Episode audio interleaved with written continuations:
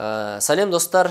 Кітап ал подкастына қош келдіңіздер. Бұл екінші маусым екінші шығарылым. Бүгінгі тақырыбымыз ә, кітап және ақша. Ә, біз өздеріңіз білесіздер бұл маусымда ә, жаңа форматта ә, міне офлайн көрермендерімізбен бірге ә, үлкен қоғамдағы өзекті тақырыптарды ә, кітап оқушының көзімен ашып жүрміз. Ә, сол тақырыптардың бірі үлкен тақырыптардың бірі ол ақша кітап және ақша. Кітап оқушының ә, ақшаға деген көзқарасы қандай? Ә, тағы да басқа тақырыптарды қозғаймыз. Ә, резиденттеріміз шыразаддин қаниязов филолог аудармашы. Мирас кесебаев жазушы. Мидың жұмысына қатысты тренингтер өткізіп жүрген тренер десек те болады. Және мен данияр жігітбек жазушымын. Қаржы тақырыбынан да алыс емеспін. Енді достар ә, бүгін осы бір ақша деген тақырыпты ашып көрейік.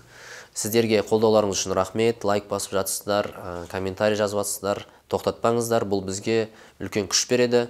Біз бірге үлкен бір, білім қорын үлкен бір іс жасап жатырмыз. Ә, бұл жерде сіздердің де үлестеріңіз өте зор.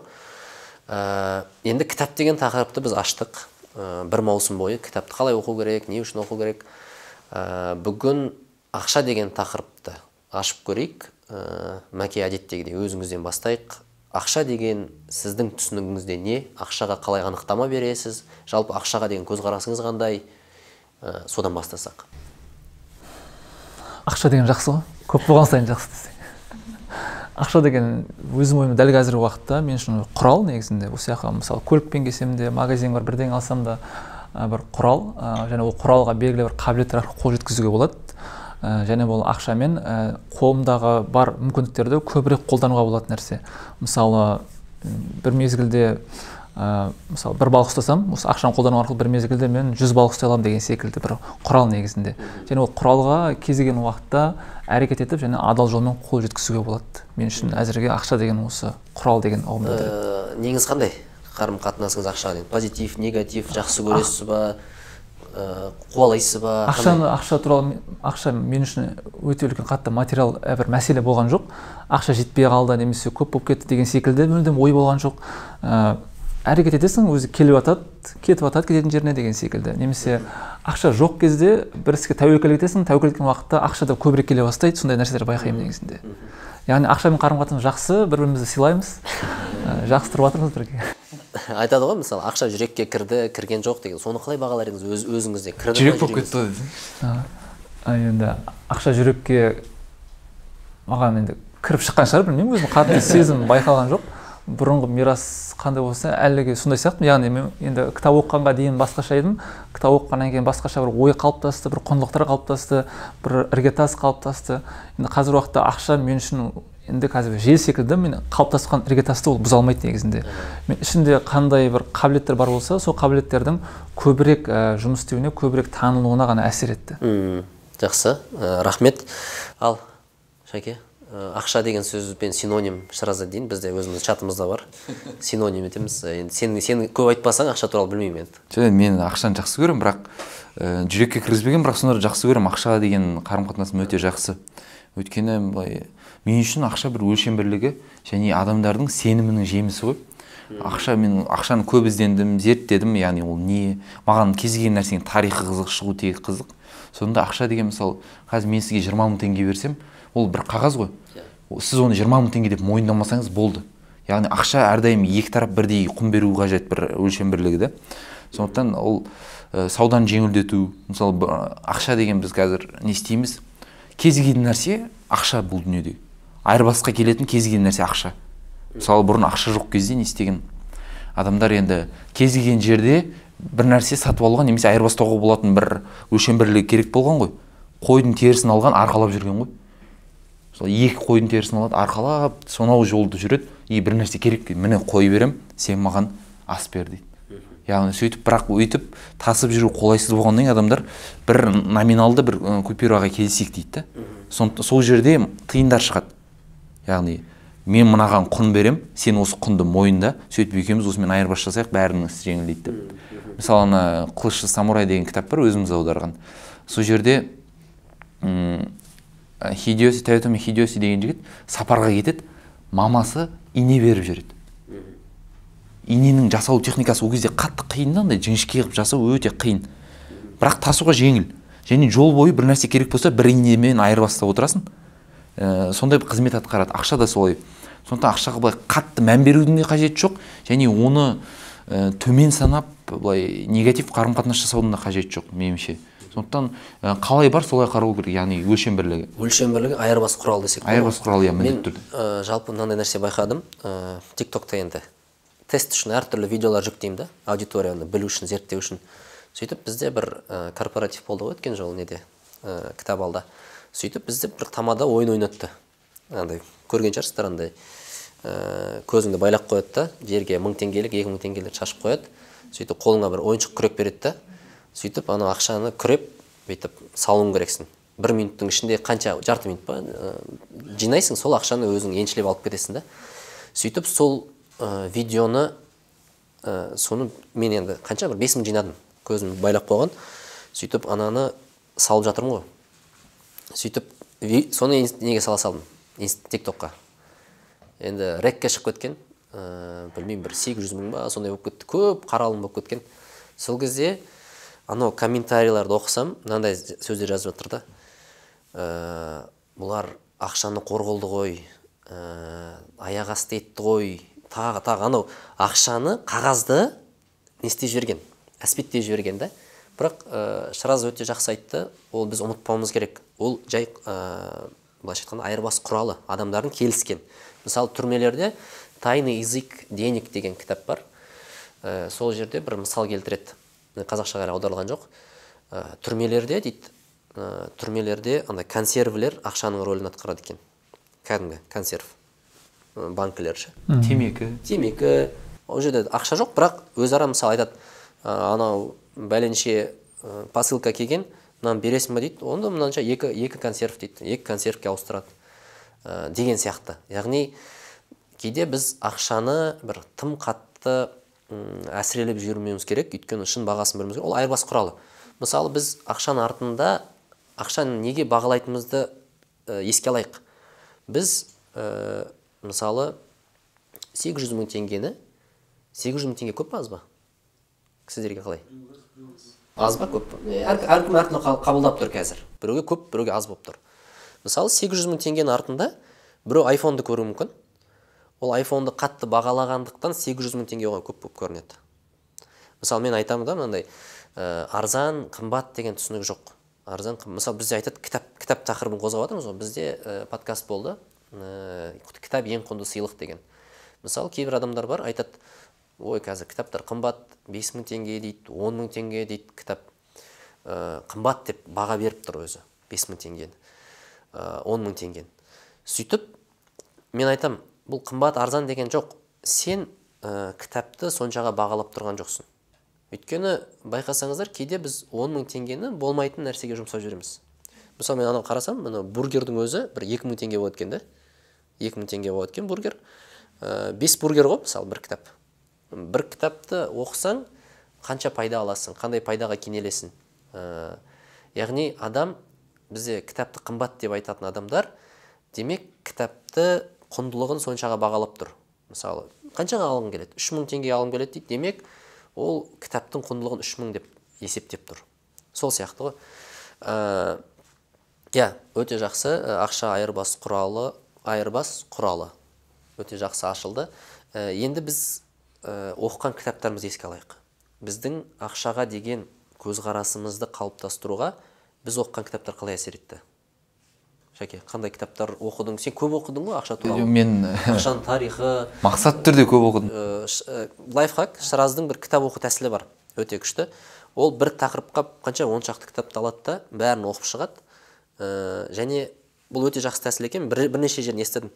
Сөйтіп сенің сол он кітап аласың бір тақырыпқа бәрін оқып шығасың бесеуі пайдалы болып шығады ә, бесеудің біреуі ең андай классикалық кітап болып шығады. Ә, сөйтіп сенің ә, сол тақырыпты жабуға жеткілікті білімің пайда болады. Мысалы отбасына психологиясына қатысты он кітап аласың баланы тәрбиелеуге қатысты он кітап аласың бәрін оқып аласың сенде бір база қалыптасады да баланың тәрбиесіне қатысты.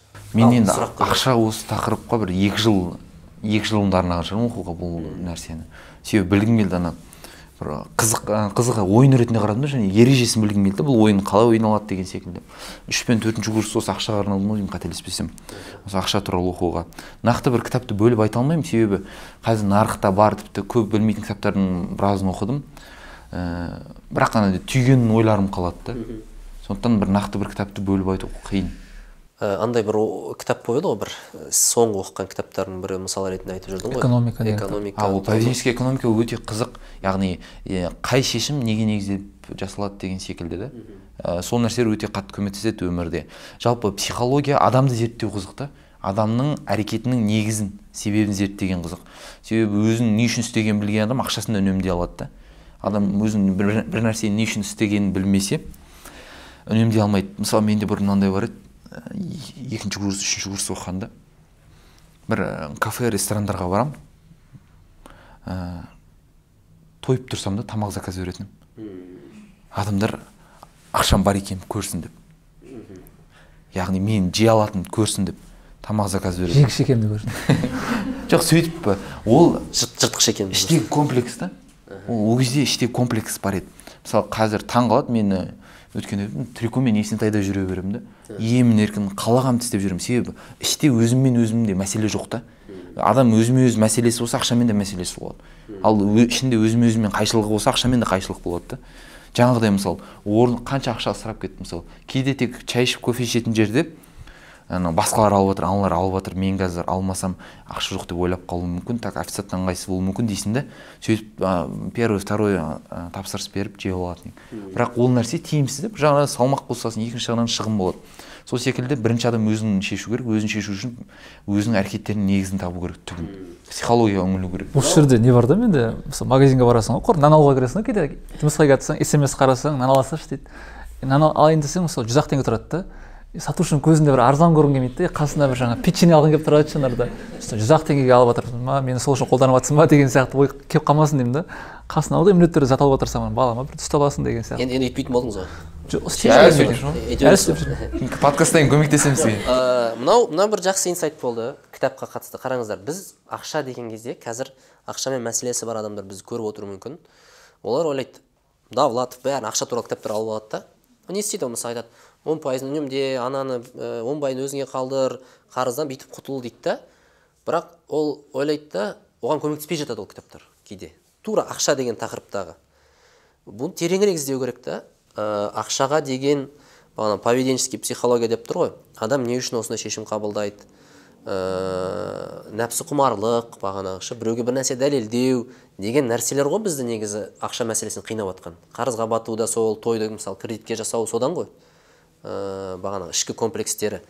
Демек біздің ә, оқитын кітаптарымыз да соған бағытталу керек сияқты. Яғни өзімізді тануға өзіміздің мінезімізді поведенческий деген бағанағы ә, не үшін бір әрекет жасаймыз соған бағытталу керек деп ойлаймын. Сол кезде біздің ақшамен де мәселеміз шешілетін сияқты. Мен оқыған кітаптар маған дұрыс ойлауды үйретті да. Мысалы өткенде бір түнде отырымда бір сағат алып кетті.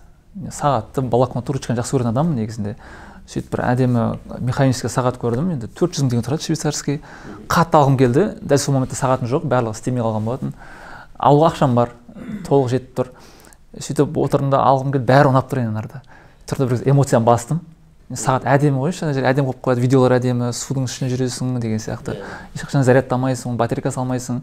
Мысалы маған смарт сағаттардан гөрі сондай сағат ұнайды да өйткені смарт сағатты екі күн сайын зарядтауың керек мысалы. Тауға шыққан кезде өшіп қалса дым пайдасы болмай қалады ғой телефон ол сағаттың.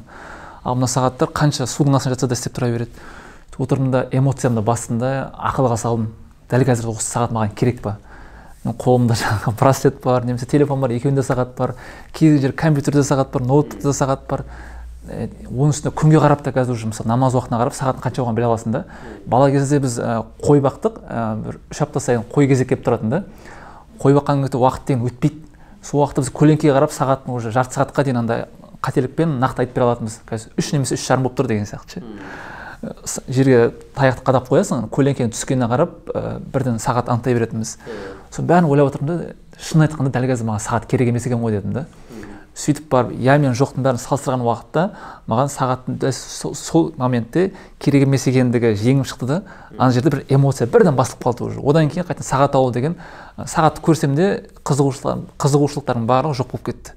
Бұның барлығы бағанағыдай эмоцияны суық ақылға жеңдіріп дұрыс шешім қабылдауға әсер еткен кітаптардың нәтижесі деп ойлаймын осыны қандай кітаптар есіңізге түссе айта кетсеңіз?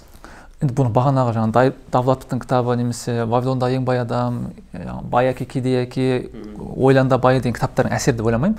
Одан бөлек мысалы түрлі адамдардың өмірбаянын оқисың. Мысалы франклиннің өмірбаянын момышұлының өмірбаянын немесе бағанағыдай че гевараның немесе фидель кастроның өмірбаянын оқисың. Сол әртүрлі адамдардың қолдарында билік жоқ кездегі әрекеті және қолдарында билік бар кездегі әрекетінің арасын талдау жасайды да. Мысалы қолдарында билік жоқ бірақ эмоция бар да. Ал қолдарында билік бар кезде уже эмоцияны басады да. Тек қана ақылмен шешім қабылдайды да. Сол оқыған кітаптардағы нәрсенің бәрі менің миыма жазылды бір программа ретінде. Сол программалар керек уақытында іске қосылды да. Оны ми ешқашан ұмытпайды. Қай кезде қандай программа қолдануды біледі да.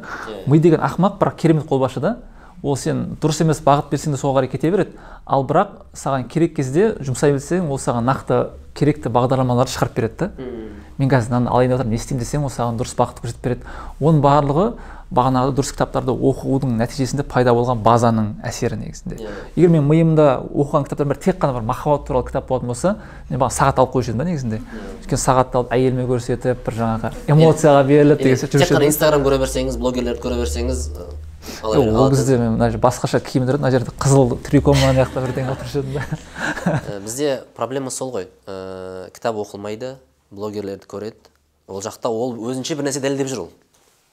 Қарызға досынан бір нәрсе алып бір соңғы ақшасына бір айфон алып машина алып бір нәрсе дәлелдеп жүр ол ғой иә дұрыс қой. Сөйтіп ол дәлелдеп жүр. Мына жақта сен нетіп жүрсің? Ауырып жүрсің да. Қашан мен телефон аламын анау сияқты қашан анау сияқты жүрем деп ойлап жүресің. Ә, неге? Өйткені ә, база жоқ бағанағыдай ә, ойлану жоқ. Жануар сияқты болып кетесің ғой сен. Оның үстіне бар ғой мынау инстинктпен ойланасың. мынау бізде андай сөз бар ғой негізінде кіммен дос болғаныңа қара дейді немесе жаңағы ізгі адамдармен дос бол дейді ғой. Бізде әлеуметтік желі кез келген адаммен дос қыла алады да. Сен енді ол сенің дос екенін білмеуі мүмкін бірақ сен оны дос санап жүрсің да. Соны өмір сүру стилін өзіңе сіңіре бастайсың. Андай даже статистика бар. Егер араласатын бес адамның ішінде біреуі семіз болатын болса сен де семіре бастайсың негізінде. Немесе араласатын бес адамның ішіндегі біреуі спортпен айналысатын болса сен де спортпен айналыса бастайсың да. Демек енді адамның көріп жүрген бес блогерінің үшеуі бағанағыдай машинасын өртеп телефон алып оны сындырып рейтинг жинап жүрсе немесе әдемі киініп деген секілді. Саған да сол нәрсе жұға бастайды. Сенің де түп санаң сол нәрсеге тола бастайды да. Сөйтіп бағана сенің қабылданатын шешімдеріңнің барлығы уже жаңағы ақшаны ысырап қалып келетін кредитке тығатын қарызға кіретін шешімдерге алып келеді. Иә. Шәке ойдан ана кредит демекші. Өткенде айтып едім бір рилста айтып едік. Ә, buy now pay later деген жүйе бар да. Осы кредит негізі американы бірінші орынға шығарып тұрған осы кредиттік жүйе да. Яғни қазір аласың ақшасын кейін төлей бересің деген. Ондай кезде психология андай ғой. Мысалы дәл қазір осы жерде бір доп тұрсын. Бұл доп ар жаққа барса кішкентай болып көрінеді ғой. Сол секілді ертең төлейтін ақша да бір құнсыз оп оңай төленетін секілді көрінеді да. Иә, иә. және әрдайым адам өзінің болашағын тым позитив ойлауға бейім. Сондай жаратылыс та яғни мен қазір бүйтіп жүрмін бірақ ана жерде табысым екі еселенеді қатты көтеріліп кетемін деп ойлауға бейім да. Сөйтіп аналар ұсақ мен көтерілетінім точно анау аз болатыны точно дейді да бірнеше кредитті өзіне жүктеп алады займ алады не істейді. Сосын соның астында көміліп қалады. Ә, бұл бағанағы ә, өзінің енді нәпсісі ғой бұл нәпсісі дейді ғой енді инстинкттері. Мен мысалы бағана ә, бенджамин франклинді айтты өмірбаянын мәкең ә, сол бенджамин франклин кім бар оқыған оқыдыңыздар ма? Өмірбаян. Өте енді тілі бәлкім қиын болуы мүмкін орысша аудармалары әртүрлі оның. Бірақ ол кітаптан біздің үйренетініміз бір тұлғаның өзін жеңу арқылы қалай үлкен жеңістерге өмірде жеткен мысалы ол ә, америка президенті болмаған кісі бірақ америкада кез келген президенттен артық іс істеп тастаған адам ол ә, бағанағы өмірбаянында өзімен өзі қалай күресетінін жазады иә. Тамағына дейін рационын өзгертеді ә, яғни былай да өзінің нәпсісін ауыздықтай білген кезде ода билік те пайда болды байлық та пайда болды бәрі пайда болды ода ол ол андай, андай жігіт болған ғой енді. Ә, аузын жауып тастайтын бір дәлелдейтін бір эмоцияға берілетін адам болды да.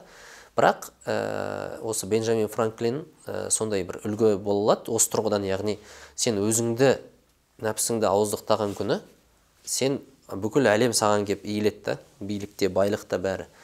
Ә, сол үшін енді біз қазір қоғамдағы бір ақшаға қатысты проблемалардың бір қатарын шетінен қозғап жатырмыз мысалы. Жастар арасында мысалы займ алу ә, кредит алу ә, тағы не бар? Ә, олимпет бар бағанағы букмекерлік ақша тігу қаржылық проблемалар осыдан туып жатыр. Қаржылық пирамидалар әртүрлі. Неге бұлар әлі өмір сүріп жатыр бұлар? Демек халықтың тарапынан сұраныс бар оған. Демек халық ә, адамдарда бұл нәрселерді қажет етіп тұр. Сосын олар ұсыныс ретінде олар да кәсіп ретінде дамып жатыр мысалы үшін. Енді бәрі түптеп келген кезде ә, бағанағы мәселеге келіп тіреледі ғой. Шыдамсыздық ашкөздік бәлкім. Оған негізі бәлкім енді қатты қиналып жатыр деп мысалы мен әлемнің біраз елдерінде болдым да мен сол кезде көрген кезде түсінгенім қазақстанда негізі жағдай салыстырмалы түрде аналарға қарағанда жақсырақ екен. Өйткені ә, біз негізі көп саяхаттай бастасақ түсіне бастаймыз. Ә, бізде жағдай біз ойлағандай жаман емес екен. Ә, бізде адамдарда бір бәлкім асығыстық деп ойлаймын. Ә, байлыққа деген асығыстық сосын бағанағы әлеуметтік желідегі өтірік ә, әдемі өмірді көрсету бәрі ықпал етеді. Анау не ойлайды мынау не ойлайды деп бізде адамдарда ә, осындай бір асығыстықтан болып жатыр деп ойлаймын. Қалай ойлайсыздар өткенде бір оқиғаны айтады бір кісі. Ә, бір таныс ағасы 30 миллион теңгені бір қаржылық пирамидаға апарып берген ғой. Сөйтіп енді қазір соттасып әлі ала алмай жүр өндіре алмай жүр да ақшасын кері. Егер адамның қаржылық пирамидаға беретін 30 миллионы болса демек ол ешнәрсеге мұқтаж емес қой. Қандай стимул оны оған баруға итермелейді деген нәрсе қызық та. Сонда адам біріншіден логикасы точно қате. Сөйтіп кез келген адамға түсінікті яғни егер біреу саған ә, пирамида деген не тез пайданы көп пайданы тез тез арада аз уақытта ұсынады ғой. Ол автомат түрде қате. Яғни ақша салғанда да бір өнімі шығатын және немесе бір өндіріс процесі бар жұмысқа салу керек та. Ә, сондай негізі фильтрларды дұрыс қоймағанның кесірінен андай пирамидаларға ұрынады мысалы ә, система понси деген бар америкаға итальянец понси деген кісі келеді. Естігендер бар ма? Понси деген итальянец келеді жиырма үш жасында. Көтерілемін дейді қалай болмасын. Ең бірінші ә, бірінші келген адамның ақшасын ә, бірінші келген адамның ақшасын алып кейінгі адамға беру деген жүйені сол шығарады. Сөйтіп сөйтіп үлкейтіп ә, ол бірақ бірден ондай пирамидаға көшпейді. Ең бірінші почтовый маркалар болады ғой. Сол маркаларды ә, айырбастап отырады. Мына марка мынаншаға беремін деп. Бірақ марка қағаз санынан гөрі ақша саны көп болып кетеді. Сөйтіп ана тексеріске алады сөйтіп оның ісі ашылады да. Сол секілді кез келген нәрседе адам дұрыс фильтр қою керек яғни бір әлемнің жұмыс істейтін логикасы бар ғой. Сол логикаға қарсы нәрсеге бармау керек та. Мысалы еш нәрсе бір өнім шықпаса бір өндіріс болмаса бір зауыты болмаса демек ол нәрсеге автомат түрде сенуге болмайды. Сосын екінші нәрсе займ. Көбінесе қазір микрокредиттер алады ғой. Микрокредит дегеніміз алматы қаласында бір екі ғана нүктесі бар кішкентай ғана жекеменшік компания. Оған жұмысқа кіретін кез келген адам кіре алады да. Және сіз сонда өзіңіздің жеке ақпаратыңызды төлқұжатыңыздың ақпаратын белгісіз біреуге және сенім жоқ біреуге және өз қызметкерлеріне жауап бере алмайтын бір жекеменшік кішігірім компанияға сеніп тапсырып жатсыз да. Қазір көбісі айтады менің атыма үй алып қойыпты менің атыма кредит алып қойыпты деп. Себебі қызметкерлердің сапасы төмен содан кейін соған ілінеді. Ә, сондықтан ондай компанияларға жоламаған абзал. Енді екіншісі ә, бір нәрсе алғысы келеді адам. Сол кезде шынымен ол маған керек па деп ойлану керек. Ойлану үшін кітап оқу керек. Қосып жіберейін. Кітап оқу керек енді. Жалпы менде өзімде былай. Кітап оқыған уақытта ақша аз құртамын неге? Осыны бір ақшаның бәрін кітап құртып қойдың ғой десеңші жоқ. Қызық емес болады және басқа нәрсе. Ал кітап оқымасам бір жерде тамақ ішіп ойланып отырғым келеді бір нәрсе қараймын ә, тамақ іше беремін. Ал ә, кітап оқысам еш нәрсеге ойымды бөлгім келмейді.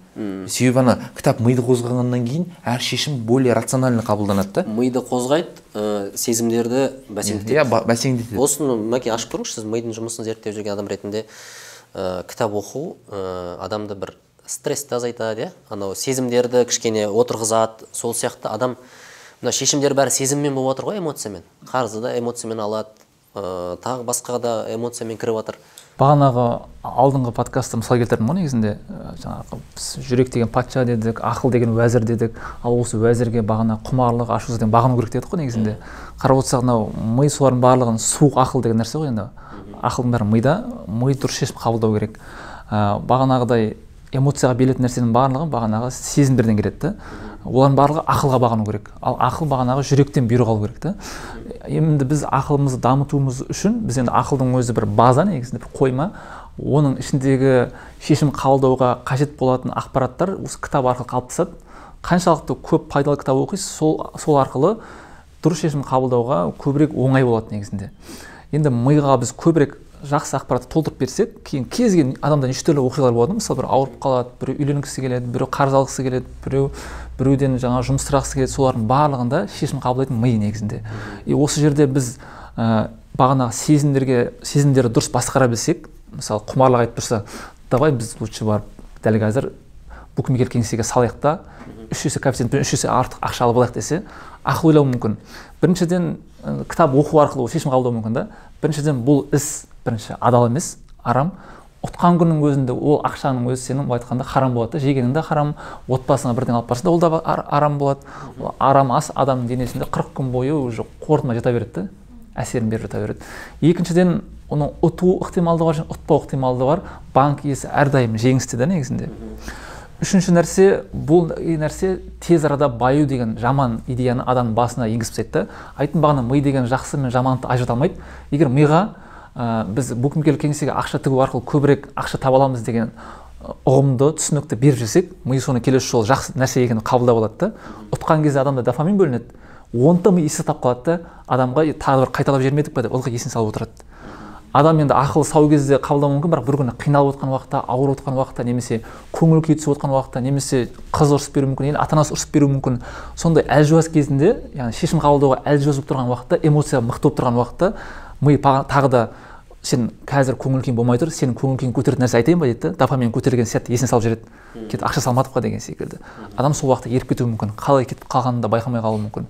Сол үшін ә, ақылға әрдайым ә, біз дұрыс ақпарат беріп отыруымыз керек. Бағанағы кітап оқыған уақыттағы ә, дұрыс шешім қабылдаудың әсері осы ақылды дұрыс ақпаратпен толтырудан пайда болады да.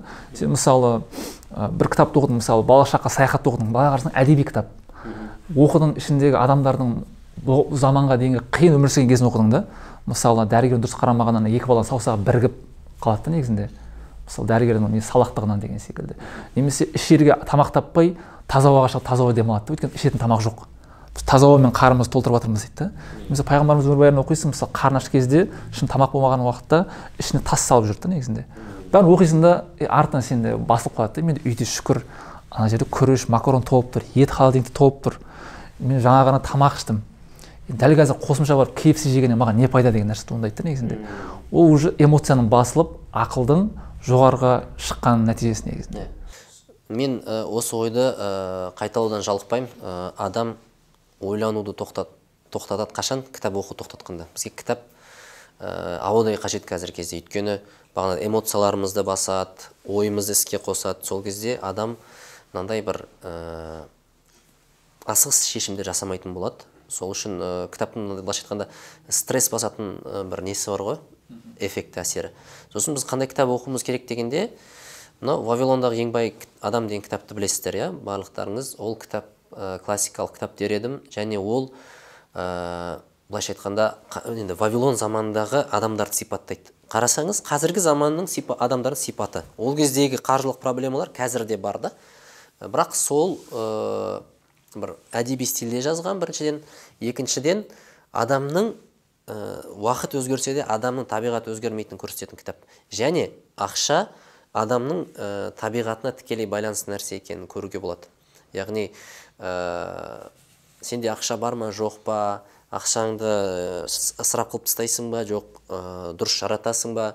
Бұның барлығы былайша айтқанда сенің табиғатың негізі. Ақша әшейін соның бір ә, көрінісі бетіне шыққан.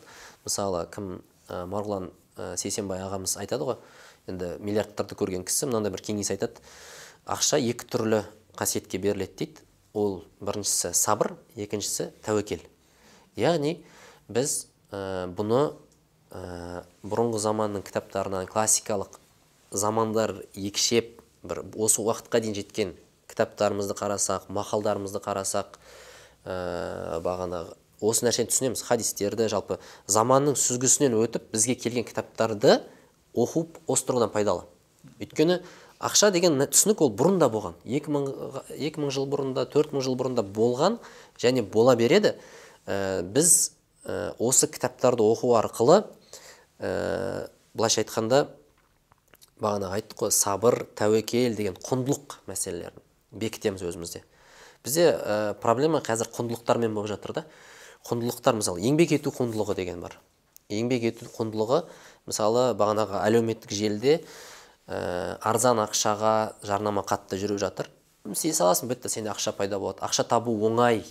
Деген месседжді жібереді. Сен мына жақта қиналып жатрсың мысалы үшін былайша айтқанда. Ақша табу енді оңай дегенде ә, былайша айтқанда ана бүйте саласың бола салады дегендей қылып ұсынады да. Бірақ ақша табу үшін ә, сабыр керек күту керек нәтижесін тәуекел ету керек еңбек ету керек. Бұның бәрі құндылықтар. Бұны ә, қазір әлеуметтік желіде айтпайды. Бұл керісінше нәрселерді айтып айсбергтің бетін ғана айтып көрсетеді иә бетін көреді. Бұны біз ә, кітаптардан бағанадай ә, біле аламыз. Осы жерде ә, бір ақшаға деген көзқарасты ә, қалыптастырудағы ертегілердің рөлін атай кетсек айта кетсек. Біз оқыған ертегілерде қандай? Кедейлер. кедейлер жақсы. жақсы байлар жаман деген көрсетеді. Бұл бірақ та байқасақ кеңес үкіметі заманында пайда болған немесе сол жақта сол кездегі цензураға сәйкес құрастырылған ертегілер болуы мүмкін. Ә, яғни біздің ақшаға деген көзқарасымызды қалыптастыруда ертегілер өте қатты рөл атқарады бала, балалық кездегі образдар. Ә, тіпті анау айтады ғой сен бала кезде ә, кім болуды армандадың? Қай мультфильмнің образы саған есіңе ә, келеді? деген сияқты. Ә, яғни біз образдармен ойланамыз образдармен шешім қабылдаймыз. Ә, бізге ә, бәлкім қазіргі кезде сондай бір образдар жасау керек шығар. Андай бай адамның жақсы образын исламда мысалы байлықтың жақсы образдары көп.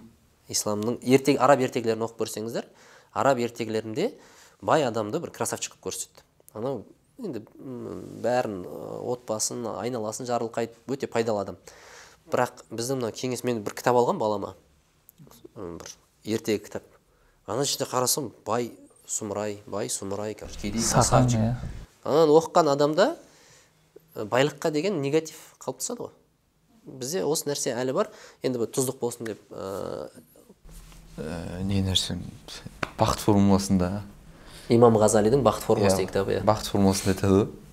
Тозаққа қарасаң көбі байлар екен. Жақсы нәрсе деді дегенге. Сол сияқты енді. Жоқ мәселе былай ақша деген ол тек бір құрал да көрінісі жаңа мысалы қол сілтеледі да бірақ бір заманда қылышпен бір заманда ә, автоматпен деген секілді. Бірақ факт қол сілтенеді деген секілді. Ақша да сондай бір құрал да адам көбінесе не істейді адам қарызға батса да бір нәрсе сатып алса да не істесе де ол арқылы өзінің бір жанының бір кетігін жамағысы келеді.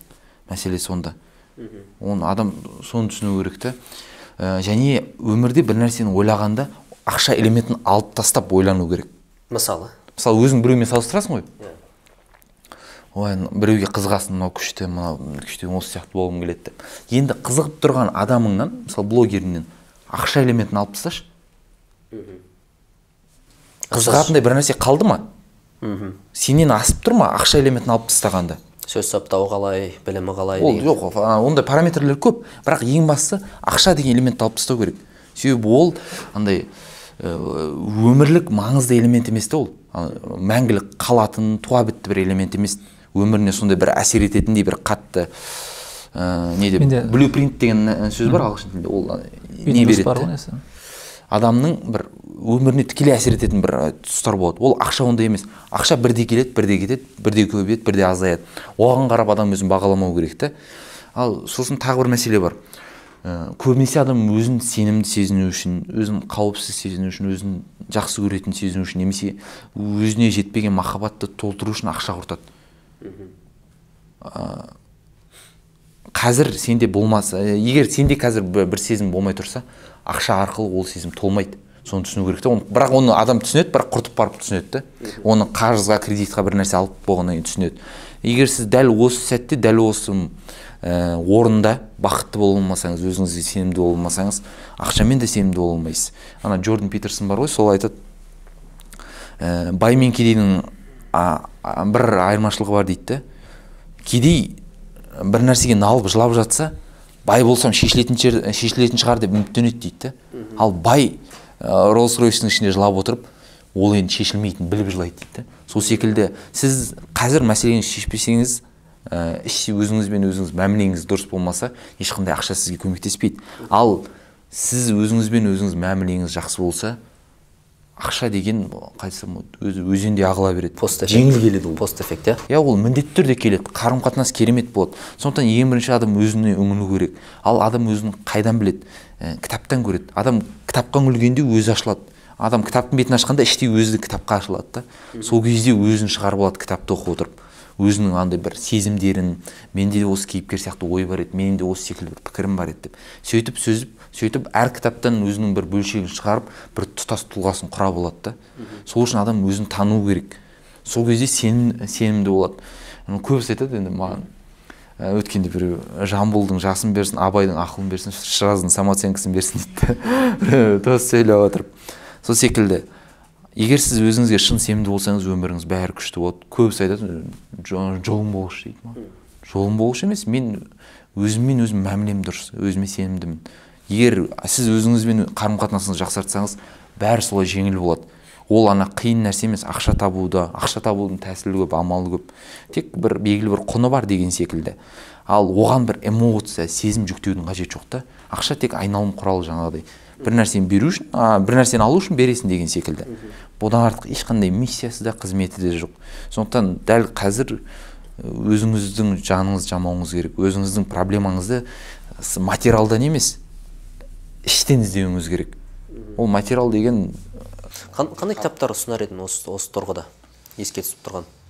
Өзіңмен мәмілені дұрыстау үшін. Финансист бола ма болмай ма? сіз айтқан жаңағы тайный язык денег деген. Тайный язык осы тұрғыда мен толтыра кетейін. Тайный язык денег деген кітапта мынандай бір жақсы сөз бар.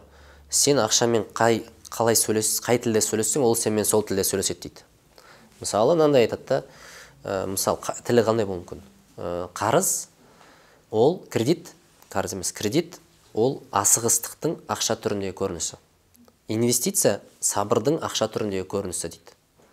Ә, сондай да мысалы ә, немесе инвестиция үміттің ақша түріндегі көрінісі дейді.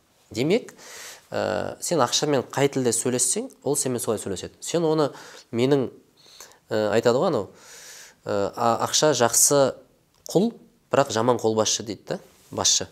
Өйткені біз кейде адамдарға қарасам ақшаны бастық етіп алады да өзіне. Сосын соның құлы болып жүреді. А сен керісінше болу керек еді ғой. Сол үшін біз өзіміздің ақшамен қалай сөйлесетінімізге бір мән берейік. Қалай сөйлесесің сен? Бұны кім деп көріп тұрсың? Бізде анау кейбір психологиялық ә, тренингтерде көзіңді жұмып, жұмып қояды да елестет дейді да. Ақшаны елестет дейді. Қандай қалай көріп тұрсың дейді. Арт жағыңда ма алды жағыңда ма? Қалай келіп тұр ол саған дейді да. Яғни сен ә, бағанағы оқыған ертегілерің болуы мүмкін отбасыңдағы ақша туралы әңгімелер болуы мүмкін бағана өзіңді қазбала деген нәрселер бар ғой. Сол сенің қазіргі ақшаға деген көзқарасыңды қалыптастырып үлгерді. Бірақ оны өзгертуге болады. Сол үшін өзіңіздің ақшамен қалай сөйлесетініңізге мән берсеңіз көп нәрсені түсіне бастайсыз. Мен қалай сөйлесемін деген сияқты. Сол кітапта тағы мынандай бір зерттеудің нәтижесін келтіреді. Адамдар жай бай, бай, бай болғысы келмейді. Мысалы біз үшеуміз отырсақ әрқайсымыз қалған екеуінен бай болғысы келеді да. Түсінесіз ба еще тез байығысы байлық деген салыстырмалы нәрсе да мысалы сіз мұнда отырған адам мың сегіз жүз елуінші жылғы кез келген адамнан байсыздар. Бірақ сіз олар онымен салыстырыңыз жалпы байлықтың бір ә, универсал көрсеткіші жоқ та. Ол әрдайым жанындағы адамдардың жағдайына қарап өлшенеді да yeah, анау неге мамасына әкесіне көлік сыйлап жатыр мен қашан сыйлаймын? Иә yeah, мынау жақсы не істейді деген. Себебі осыған қатысты не істейді ана? Америкада сауалнама жасайды. Қаншалықты ақша сіздің ә, сізді бақытты етеді деген. Сонда ә, бір белгілі бір уақыт аралығында жасап тұрады сауалнаманы. Сауалнаманың жауабы нәтижесі көршілердің табысы ауысқан сайын ауысып тұрады екен. Мысалы егер кө- көршіңіз сізден азырақ тапса сізге азырақ ақша жарайды. Бірақ сізден көбірек тапса сізге көбірек ақша керек деген секілді. Демек салыстырмалы. Біреуден жай байғысы бол- болғысы келмейді. Біреуден бай болғысы келеді. Иә сол сондықтан ә, жаңағы нәрсеге арбанбау керек та менде мынандай нәрсе болатын. Бұрын қолыма ақша түссе құтылуға тырысатын едім. Бірақ оны мен білмедім. Ә, бірде болды мысалы ә, ең бірінші миллион тапқанда 15 күннің ішінде құртып жібердім. Ана біреуге сыйлық алдым үйдегілерге не істедім ешкім сұрамаса да қарасам ә, бала күнгі неден қалады екен ол травмадан. Яғни ә, бала күнгі әсерде бізде артық ақша болса міндетті түрде бір проблема шығатын еді. Үйде артық ақша болады сол ақша жұмсалу керек бір проблема шығады да. Содан бір ұстаным пайда болды. Біреу ауырып қалады бір нәрсе сынып қалады бір нәрсе қирап қалады біреудің еміне керек болады. Мен ол кезде оны білмедім. Мен қазір ойланып қазір енді өзіме көп үңіліп ә, көбісі айтады ана жалғыздан жалғыз тамақ іше беретін әдетім бар да. Қалай отыр, отыра бересің дейді өзіммен өзім. Наоборот өзіме үңілемін деймін да осындай нәрселерді іліп аламын ақша жиналса бір проблема шығатын еді. Сол кезде мен өзім алғаш милли- миллион тапқанда ақ менде қазір ақша бар. Демек бір бәле келмеу үшін тез құртып жіберуім керек деген түп санаммен ақшаның бәрін таратып жібергенмін ғой. Бірақ оны сен айтпайсың олай деп мен оны білмедім. Мен оны бір жылдан кейін ғана түсіндім солай істегенді. Енді бұл ұстанымды өзгерттің ғой. Иә қазір мүлдем олай емес та сол секілді бізде андай травмадан сау адам жоқ та. Бәрінің ішінде бір бала күні қалған бір әсері бар. Соны отырып шұқылап отырып қазсаңыз қазіргі жағдайда жүзде есе бақытты боласыз. Дәл қазіргі материалдық жағдайдың өзінде. Осы мәселеде екі кітап есіме түсіп тұр. Қазақша өкінішке қарай әлі жоқ. Ә, пять травм деген кітап бар лиз бурбо сосын взрослые дети эмоционально незрелых родителей деген кітап бар. Осы екі кітапты оқу арқылы да адам ә, өзін түсіне бастайды да. Травмасы дей ма басқасы дей ма установка дей ма. Ә, біз мына әңгімені қалай айтып отырмыз? Кітаптың жемісі достар. Сол үшін кітап оқиық біз енді шыр-пыр болып насихаттап жүрміз. Мәке анау сөзіңіз әлі пісіп тұр ғой иә? Мен сізді Е, бір бағана бір ой келіп тұр. ұмытпай тұрғанда айтыңыз. Ә, негізгі біздің проблема мынадан басталды да мысалы мен тоқсан бірінші туылғанмын ә, енді әке шешем болсын сол кеңес өкіметінде заманда халықтың жағдайы бәрі бірдей болды да орташа. Кім біреу тым қатты байып кеткен жоқ біреу тым қатты кедейленіп кеткен жоқ. Ол уақытта тіпті кедейлердің өзін жақтырмайтын да. Кедей деген яғни жұмыс істемейтін адам жақтырмайтын бәрі жұмыс жасайтын да. Қалай тәуелсіздік алдық? Уже коммерсанттар пайда болды алыпсатарлар пайда болды. Бұл кезде ондай нәрсе болмайтын. Ондайларды бірден түрмеге жіберетін ксро ның кезінде и көптеген мемлекеттік ә, мекемелерді меншікке берді. И бізде қоғамда бірден байып кеткен адамдар пайда болды да. Алты айдың ішінде байып кеткен кісілер болды. И олардың балалары да андай мысалы мектепке андай мықты киіммен келеді мықты машинамен келеді мысалы әкеліп тастайды. Олар переменге шыққан сайын магазиннен барып күшті заттар алады тамақ алып жейді мысалы. Ал сен мысалы үйге барып бір ақ тамақ ішесің да мысалы. Соның бәрін көресің де көресің да сенде қалыптасып қалды да бала кезімізден. Демек тез баю керек екен деп ше. Басқаларға өзін дәлелдету үшін тез баю керек деген нәрсе пайда болды. Қалып бара жатырмын деген сезім иә. Қазіргі проблеманың бәрі содан басталған сияқты. Яғни қазір біз тез байығымыз келеді басқаларға өзіміз тез дәлелдегіміз келеді тез көрсеткіміз келеді. Тіпті мысалы жақсы көрген қызың саған қарамай қалса мен ертең байып саған көрсетемін деген сияқты ше. Байып саған дәлелдеймін мен саған көрсетесің өзі ақ жүгіресің әлі артынан деген сияқты жоқ осы сондай нәрсе бар да соның бәрі қалыптасып кетті и бізде қазіргі ә, жастарда және бізден кейінгі жастарда бәрінде сол нәрсе пайда болды. Олар тіптен бағанағы интернет бұл ауруды күшейтіп жіберді да. Бай адамдарды бұрын біз мысалы ауылдан ғана көрсек қазір қолымызда да негізінде қолымыздан көрсетіп жіберді и біз соған қарап біз ә, тіптен асқынып кеттік тезірек байығымыз келеді да. Мысалы менің университетте оқып жүрген кезде қасымдағы бала менен 500 теңге алды. И келесі күні келіп тұр маған «Е, брат кеше сен берген бес жүз теңгені барып салдым букмекерге дейді да. Қырық бес мың теңге шығарып алдым дейді да. Мына саған қайтадан бес жүз теңге қайтарайын дейді да. Ана ақшаны енді алайын ба алмайын ба түсінбей қалдым да енді мысалы ол бала ауылдан келген тап таза бала еді. Біздің общага тұрған балалардың барлығы темекі шекпейтін букмекер ақша салмайтын бала еді. Бірақ қасындағы басқа балалар екінші курстың үшінші курстың балаларының бәрі букмекерге ақша салатын темекі шегетін бильярдқа барып бильярдқа барғанда көбісі темекі шегіп кететін негізінде. Сөйтіп соларға еліктеді да олар сондай болып кетті. Тап таза келген балалар. Өйткені оларда иммундық нәрсе жоқ оған қарсы. Оларды ана балалардың ақша салып пайда тауып жатқанын көрді да өздері де салғысы келді. Содан пайда болды. Мен енді оған ұрынған жоқпын алла сақтады. Мен 22 жасым кезінде университет бітіргеннен кейін менің кейбір қатарластарымды көрдім. Енді өзім сияқты балалар енді ішпейтін шекпейтін жақсы балалар олар мысалы қасымда бірге тұрған бала болды. Ол сол 22-23 жасының кезінде 2 миллион долларды бір ракқа қарсы емдейтін мекемеге аударды да ана бала. Ананы көресің ойланасың мә мен не істеп жүрмін? деп ше. Миллион түгілі даже мың долларға жетпейтін ақша табасың да ол кезде ше. Мен не істеп жүрмін? қатарластарым қандай болып кетті? Өйткені бала кезден қалып қойған ғой ана мысалы біреу уже байып кетті мен неге әлі байымай жүрмін? деген. Сондай ой келді бірақ енді біз кітап оқуымызды мысалы жазу қабілетін жетілдіруді мысалы дизайнерлікті үйрендік сол кезде журналистік зерттеу жасауды үйрендік. Яғни құр мұңайып жүрмедік. Ал үйреніп жүрген өзіміздің табиғатымызға бейім қабілеттерді ары қарай дамыта жүрдік та. Кейін белгілі жасқа келген уақытта мысалы мен кітап жазамын деп ойлаған жоқпын бірақ қазіргі уақытта мысалы жазған кітаптарым ә, жазу керек болды халыққа пайдалы болып жатыр мысалы сол арқылы мысалы ақша да келіп жатыр да негізінде. Яғни сол қина мұңайған кездердегі ә, жетілдіруді жалғастырған қабілеттер маған пайдасын беріп жатыр да. Менің бір байқағаным үйренген бірде бір қабілетім қолданусыз қалған жоқ негізінде. Бағанағы индизайнмен жұмыс жасау фотошоппен жұмыс жасау немесе жаза білу немесе сурет сала білу болсын. Барлығы әйтеуір бір міндетті түрде пайдасын алып келді да негізінде. Демек ақша дегенге бір кішкене бағана сіз айтқан сабыр ете білсек қабілетімізді ә, ары қарай жетілдіре білсек ол міндетті түрде келетін нәрсе екен негізінде. Және байлықтың барлығы басқа адамдарға қызмет көрсету арқылы келеді екен байқағаным ше? Иә. Мысалы біреудің көңілін тапсаң біреудің ә, проблемасын шешіп берсең сол арқылы байлық келеді екен және ол андай берекелі болады екен да. Мен қоса кетейінші осы кезде. Жаңа айтып жатырмыз ғой біз сіздерге ақша таппа де- деп жатқан жоқпыз. Ақша табу керек ақша керек. Бірақ мәселе мынада да ақшаға артық мән қоспау керек. Ә, ақшаны тапқаннан кейін бақытты боламын ананы алғаннан кейін бақытты боламын деп емес. Сол қазіргі процестің өзінде бақытты болуыңыз керек бақытты та. болғанда ақша болады деп Иә. керісінше. Қазір бақытты иә. қазір бақытты болмасаңыз ақша сізді точно бақытты қылмайды. Себебі мен қаншама адамды білем ә, ақшасы жоқ кезде бақытсыз болды ақшасы бар кезде де бақытсыз. Да ал тағы бір таныстарым бар. Ақшасы жоқ кезде де бақытты еді ақшасы бар кезде де өте бақытты да. Сол секілді адам не істемеу керек. Қазір процесстен ләззат алу керек та. Және ақша табудың да өзінің бір әдебі бар. Себебі қазір амал амалы көп қой негізі ақша табудың. Көбісі негізі қалай ақша табамын дейді да. Мен, айтамын қалай ақша табамын деп емес қалай мәнді жолмен ақша табамын деп сұрайды вот сол қиын. Ал былай жалпы қалай болсын ақша табу қиын емес. Ә, мынандай. Және қазір сіздің жұмысыңыз жасап жатқан жұмысыңыз ақша деген элементті алып тастағанда да мәнді болу керек та. Сол кезде сіз бақытты боласыз. Өміріңіз сол кезде максимумға салады. Мысалы мен қазір отырмын бұл жерге ақша алмасам да келемін менің жұмысым болмаса да келемін да. Жексенбі күнгі? Жексенбі күні бүгін демалыс қой вообще негізі. Иә бізге бүгін демалыс. Бірақ ә, өзім жұмысым болмаса да келе беремін да ақша элементін алдым бірақ сонда да бақыттымын сонда да осы жақсы көремін. Жұмысым ақшасы да мәнді болып тұр. Егер сіз бір жұмысты тек ақша үшін істесеңіз ә, ол ұзаққа алып бармайды да ол сезім.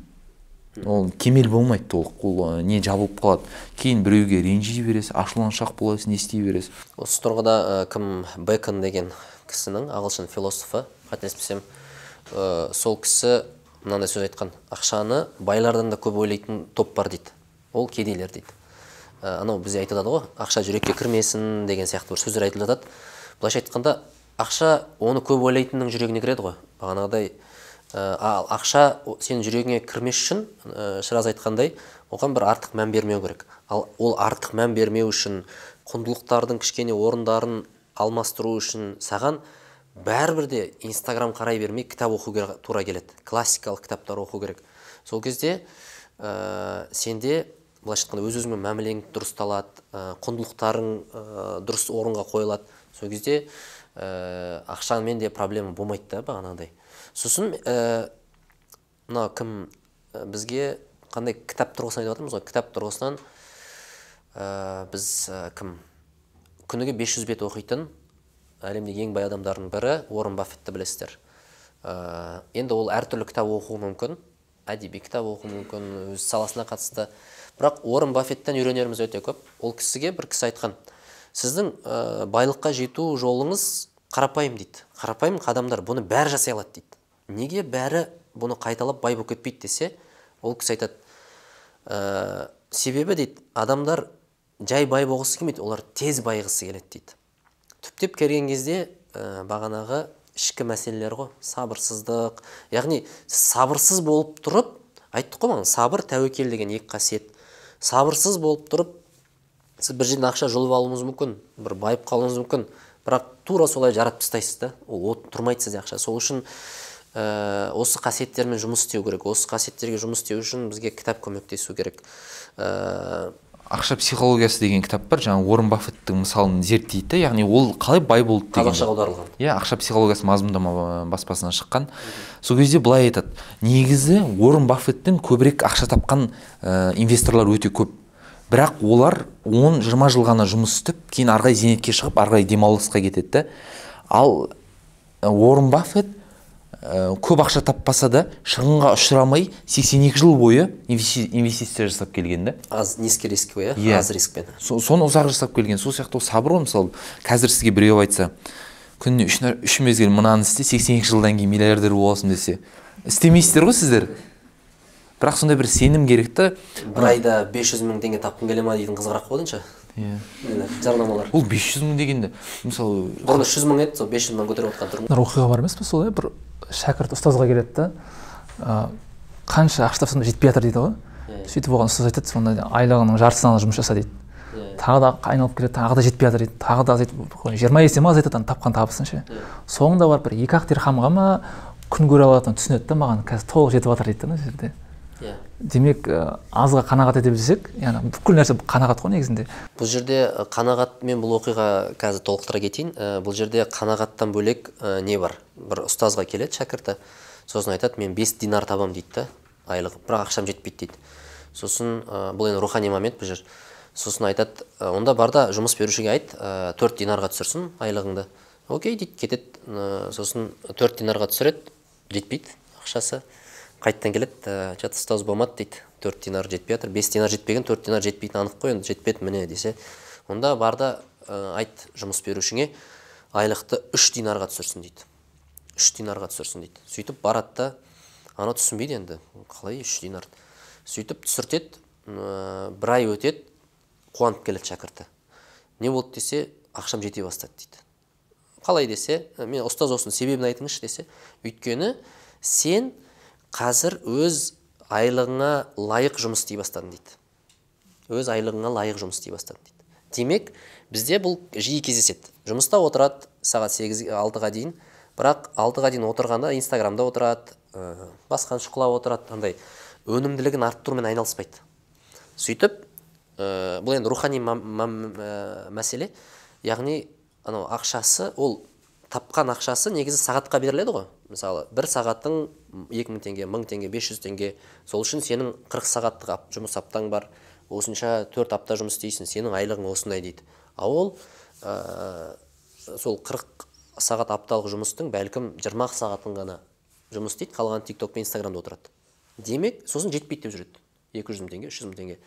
Біз мен айтатын бұл құндылық мәселесі бұны құндылықты біз тек қана ойлану арқылы кітап оқу арқылы отырғыза аламыз. Яғни мынандай нәрселер бар да. Мысалы қазіргі заманның мен данышпандары ретінде рей далионы мойындаймын. Ә, сол кісіні жиі келтіремін. Сол кісі енді миллиардер кісі ғой қателеспесем. Ол кісі ә, ол, ол, ол кісі өте қызық кісі. Ә, бір жағынан байлық та даналық та берілген кісілердің бірі. Ә, ол кісі мынандай нәрсе айтады. Сенің ә, табатын табысың өнімділігіңнен артып кетпесін дейді. Түсіндіңіздер ғой иә өнімділік деген сенің жұмыс істеу өнім шығару. Мысалы біз қазір өнім шығарып отырмыз. Ә, мына жерде бір төрт сағатымызды арнап түсірілім жасап бір контент дайындап жатырмыз. Ә, бірақ бұл волонтерлық есепте енді мынаны шығыны анау мынау болмаса ә, яғни мен әрдайым айтамын да жастармен кездескенде сен ақшадан бұрын өнімділігіңді арттыруды ойла. Контент ө- контент өнім. Бір нәрсе өнім беруді ойла деймін да қоғамға. Бір нәрсе жаса сол кезде ә, мынандай рей далио айтады. Сенің табысың өнімділігіңнен артып кетпесін. Егер артып кететін болса мысалы мен өзім оны бастан кешкен мысалы ә, түк жұмыс істемей отырасың бірақ үш жүз мың айлық түсіп отырады сондай кезеңдерден өткен бұрын оқу бітіргеннен кейін бір жұмыста. Ә, бұл несімен жаман? Бұл жаман жері сіздің ә, былайша айтқанда ол рейдалио айтады. Егер сен ақшаң өнімділігінен артып кетсе сен бәсекеге қабілетсіз болып қаласың дейді. Солай болды да. Мені мысалы жұмыстан шығарды қысқартулар болды карантин. Сонымен мені жүз елу мың айлыққа да алмай қойды да. Өйткені мен енді отырғанмын ана жерде фейсбук қарап не қарап. Яғни менің өнімділігім ә, аз болып қалды да немнен ақшамнан. Яғни сен жарысатын болсаң өзіңнің өнім ақшаңмен өнімділігің жарысу керек. Ә, мысалы мен жақында саяхатқа барып қайттым. Руслан деген руслан меделбек деген досым бар.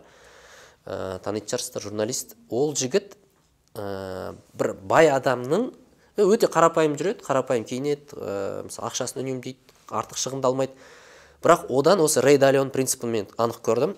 Ол ана жерде енді жанкештілікпен түсіріп жүрді да жай демалып жүрмейді. Ана видеоны түсіреді ютуб үшін контент түсіреді. Ә, сосын жұмысында жұмысынан тыс ә, не жанпида деген психологиялық не жүргізеді ә, блог подкасттар. Былайша айтқанда оған ешкім ә, саған осыны істесең ақша беремін деп айтпайды. Ол өзі ақшасымен жарысып жүр да өнімділігін. Сол сияқты бұны жастардың мен ә, санасында отырса деймін осы идея. Яғни сен ә, сол кезде егер сен ә, өнімділігің ақшаңнан көп бола бер, болса сен ақшаң өнімділігіңнен қуалап жүреді былай. Түсіндіре алдым ба? Көп жағдайда қателесетін себебіміз былай. Ақша көп байқаған шығарсыздар мысалы. Ә, ақшасы көп бірақ жұмыс істемей жүреді сосын жұмыстан қысқарып қалғаннан кейін қарызға батып кететін ситуациялар. Осындай. Ә, яғни осындай бір принциптер бар өмірде. Принциптерді өмірдің бір ақшаның бір жазылмаған заңдарын үйрену керек оқу керек бір абай айтпақшы артық білім кітапта. Ә, жақсы сөз бар. Білім ә, орысша айтқан чувство контроля береді дейді келісесіздер ма? Мысалы сен бір нәрсені біліп тұрсаң сен ә, ана ситуацияны басқарып тұрғанын сезесің. Таныс жағдай ғой. Білмей тұрсаң қиналасың. Мә мынау қалай болды екен? Яғни артық білім кітапта біз ә, ақша мәселесі болсын басқа мәселе еркіндік мәселесі болсын неғұрлым көп ә, біліміміз болған сайын бізде ә, басқару сезімі болады контроль сезімі. Болжай аламыз басқара аламыз дегендей. Осы енді бір ә, бұл мәселені қозғай кету керек. Міндетті түрде мынандай сөз бар ғой. Жақсы кітап оқисың білімдісің. Білімдісің бірақ неге бай емессің деп айтуы мүмкін бір адамдар. Жиі еститін сөз. Осыған қалай жауап беретін едіңіздер? Мен айтайын енді бірінші сен білімдісің кітап оқығансың бірақ неге бай емессің деп сұрақ қояды? Қалай жауап беруге болады? Өткенде мен қалай айтсам болады мақсат қоямыз ғой мынанша табамыз не істейміз деп. Ә, дәл қазіргі уақытта қалай айтсам болады байлықты мақсат қойсаң оның амалы басқа болады да. Иә. Ал сен ана басқа нәрсенің амалын істеп басқа нәрсенің нәтижесін күте алмайсың да. Иә. егер бай болғың келсе оның амалы басқа. Ал мен өзім үшін барынша уақытымды өнімді пайдаланып көбірек үйреніп көбірек білгенді жақсы көремін да. Маған сол ләззат сыйлайды. Және сол аралықта ол ана мүлдем ақша ә, таппау керек деген сөз емес. Еш нәрседен тарықпаймын. Қалған кезімде қалағанды аламын қалаған жерге барамын. Және қалауымнан тыс еш нәрсені істемеймін. Мысалы сен 10 миллион табасың дейік 10 миллион табасың бәріне жетеді. Бағанағы өмірің үйренуге бәріне жетеді. Сөйтіп саған біреу келеді да сен сондай ақылдысың екі мың кітап оқып тастағансың неге 100 миллион таппайсың? деп келеді біреу. Соған жауап осы ғой. Жоқ мен оны не істеймін қазір маған мысалы бір жарым екі миллион жетеді. И мен кітабымды оқып жүре беремін. Ә, жаңағы айтқым келетін ойларды айтамын деген секілді. Одан артығы уақытпен келе береді ол. Тек мәселе мынада бұл жыл жас қайтпайды да. Ә, бір қызық нәрсе бар мені таңғалдыратын. Қазір біреу сізге ә, қанша 25 миллион берем? 25 жыл мен үшін түрмеде отырып бересің ба десе келісесіздер ма жоқ серьезно? 25 миллион берем? Жиырма бес миллиард десеңші жоқ түрмеде жоқ теңге жиырма бес миллион теңге. Есептеп кеттіңіздер ғой маған қырық бес жиырма бес жылға мен үшін отырып бер мен саған беремін десе. Аз ба? Қаншаға отырасыздар? Аукцион дейсің ғой жоқ мәселе мынада бірақ мысалы адамдар қазір бүйтеді өзінің қазір қалтасы көтермейтін мысалы ипотекаға үй болсын не алады ғой жиырма бес жылға. Ол соны алып ананы төлеу үшін көп арман мақсаттан бас тартады ғой. Иә инвестиция уже не ғой иә соған байлайды өзін Сол, ә, бір не бар да айта кететін нәрсе яғни адам ә, былай ойлау керек та мысалы сенің қазіргі адам әдетте ә, мысалы байлығыңнан бүкіл байлығынан айырылып қалдың дейікші қазір. Байлы, қанша байлығың бар? Үйің бар ә, затың бар. Ә, сенде бір нәрсе өзгере ма? Солай сұрақ қою керек. Және андай болу керек та мысалы кәсіппен айналысатындар бар ә, басқа да бар. Яғни егер сіз қазір нөлге бүкіл бәрі үйіңізден айырылып қалып нөлден бастай алатындай соған сенімділік болса жүректе демек сізде сіз өзіңіз өміріңізде қажетті қабілеттерді өзіңізді дұрыс дайындай алғансыз деген сөз да сол үшін біз енді ә, кітап ә, кітапты насихаттап жүрміз. Өйткені артық білім кітапта кітап оқысаң ә, бағанағыдай қабілеттерің шыңдалады. Сосын варианттар шығарылым бойы бәрін айтып жатырмыз. Сол үшін сол кезде сенде бір сенімділік болады. Нөл болсаң да қайтадан тұрғызып алуға ә, жағдайың сондай тұлға болуға тырысу керек деп ойлаймын. Ә, мәке сіздің алып қосарыңыз бар ма? Ә, сол кітап оқу оқу керек. Мен бала кезден мені бір ойымда қалыптастырған кітаптың шығарманың біреуі мұхтар мағауиннің дермене деген шығармасы болды бәріңіз оқыған шығарсыздар. Мысалы ол жерде де ана бір кісі келіп бір ақсақал мен немересін көбірек біреудің шөбін ұрлауға жаңағы итермелеп соңында өзі бүкіл ақшаны ұрлап кетеді бірақ сол кезде шал соңында рахаттанады да. Арам ақшаны ұрлап кеткен дұрыс болды дейді да негізінде. Бала кезден сол бізді бастауыш оқып жүрген кезде осындай қасиеттерді бойымызға сіңірді да негізінде. Әлі күнге сіңіре беруіміз керек кітап оқи беруіміз негізі керек. байқасам осындай мысалы мәкең көркем әдебиетті көп оқыған ғой араларыңызда бар. Жалпы көркем әдебиетті оқитын адамдар ыыы мынау байлық деген нәрсе керек деп айтады бірақ қызықпайтын сияқты көрінеді. Мен өзім сондай бақылауым бұл бірақ мен бұны ә, себебін зерттеп көрдім. Ә, бір қорытынды сөз болсын. Шәке қалып кеткен жоқ па ештеңе? Бір нәрсе айта салайыншы. Ә, сенека деген ә, рим философы бар. Сол айтатыны бар. Ә, сенен нені тартып алу ала алатын болса ол сенікі емес дейді да байлықты да сол категориямен ойлау керек. Байлық ол сіздің қолыңыздағы бар зат емес. Ол шын байлық сізден ешкім ала алмайтын нәрселер да мысалы өткенде украинада соғыс басталды ғой. Ә, бір күнде соғыс басталып кетті. Мысалы қаншама адам ипотекасы кетті қаншама адамның екі үш машинасы көлігі кетті. Және мысалы бәрі түкке тұрғысыз болып қалды. бәрі қалды тастап границадан жалаң аяқ кетті да и мысалы түркияда жер сілкінісі бар. Ана қиранды мысалы біреу біледі қанша жыл ақша жинаған екен ана үйлерге. Сол үшін қанша өмірін сарп еткен екен. Демек ә, сізден кез келген уақытта біреу алып қоятын нәрсеге жылдарыңызды арнамаңыз да. Ал ал білім- білім ғылым сізде өзіңізде мәңгі қалады. Біреу сізді қазір ноутбугыңызды айфоныңызды тартып алсын бәрібір ол қайтып келеді. Білім бар ғой сол категориямен ойлансаңыздар өмірде бәрі тамаша болады. Соны айта салайын. Иә. Мен сөз ә, қорытындылай салайын. М, білімдісің неге бай емессің деген сияқты. Біз енді ақша деген тақырыпты ашуға тырыстық. Басқа жерде айтпаған нәрселер айтуға тырыстық. Өзі айтылып жүрген нәрселер ғой. Ә, мына бақытжан бұқарбайдың ә, бір жақсы мысалы бар келтіретін. Бақытжан бұқарбай өзі енді кітап көп оқыған кісі өте білімді кісі. Ә, былай қарасаң қазір егер шындап кіріссе ә, былай миллиондар таба алатын әлеуеті бар былайша айтқанда. Бірақ оның ә, фокусы басқа нәрседе. Ол кісі бір ә, мысал келтіреді. Ежелгі грекияда фалес деген бір ойшылдардың біреуі болған екен. Ә, сол фалес деген кісіге енді бәрі сөйтіп сол кезде сол заманда да осындай адамдар болған ғой. Сен кітап оқисың осындай білім аласың білімдісің ойшылсың аспандарды аспандағы жұлдыздарды зерттейсің ә, болмайтын іспен айналысасың. Неге? Байып кетпейсің дейді да осы саған білімің қалай пайда беріп жатыр. Ол кезде адамдар да байлықпен өлшеген ғой бір бірін сондай адамдар болған. Сөйтіп ә, фалес деген кісі ә, сол астрономиялық болжамдарға қарап сол жылы зәйтүн деген май өсіріледі екен грекияда. Соның ә, көп болатын бо- алдын ала болжап соған қарай шаруашылықты ұйымдастырып адамдарды іске салып сөйтіп ә, сол жылы өте көп зәйтүн майы алынып ә, біраз байлыққа кенелген да фалес сөйтіп айтты да болды ма? Ә, тынышталдыңдар ма? деген сияқты айтқанда «Ма- маған ә, ақша табу байлықты қуалау қызық емес деп айтқан да. Демек кір- кіріссем мен таба аламын бірақ маған менде фокус басқа нәрседе. Сол сияқты ә, шынымен де бағана 10 миллион миллион жетіп жүр саған 2 миллион жетіп жүр. Ә, әркімнің қанағаты фокусы басқа. Ә, сол, сол үшін мен ойлаймын кітап кейде бізге ә, кітап оқу ә, басқа материалдарды м, жоғары қоюға тырысамын. Мысалы ұлтқа қызмет ә, мысалы бағанағыдай ә, ағартушылық деген нәрселерге былайша айтқанда егер сен ол, ол нәрсеге фокусыңды бермесең ә, өнімсіз болады да. Ол, ол жерде уже сен кәсіпкер сияқты ойлана алмайсың қиындау болады.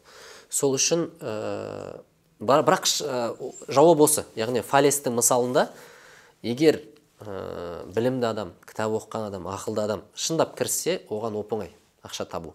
Бірақ оның фокус ол ана фалистің сөзі бойынша маған сендер айтқан сияқты көп ақша табу қызық емес дейді. Сондай жауап. Яғни бұл не деген деңгей ғой бұл? Маған не үшін сен бай емессің десе маған ақша табу қызық емес. Демек ә, егер де осындай ә, білім алудың кітап оқудың бір ә, құндылығын төмендеткісі келіп жүрген адамдар болса қазіргі заманда осы, осы жауапты берген болар едім сол үшін барлығымыз кітап оқиық ә, білімді болайық және де ол бізден білімді ешкім тартып ала алмайды. Шын байлық сол. Рахмет достар.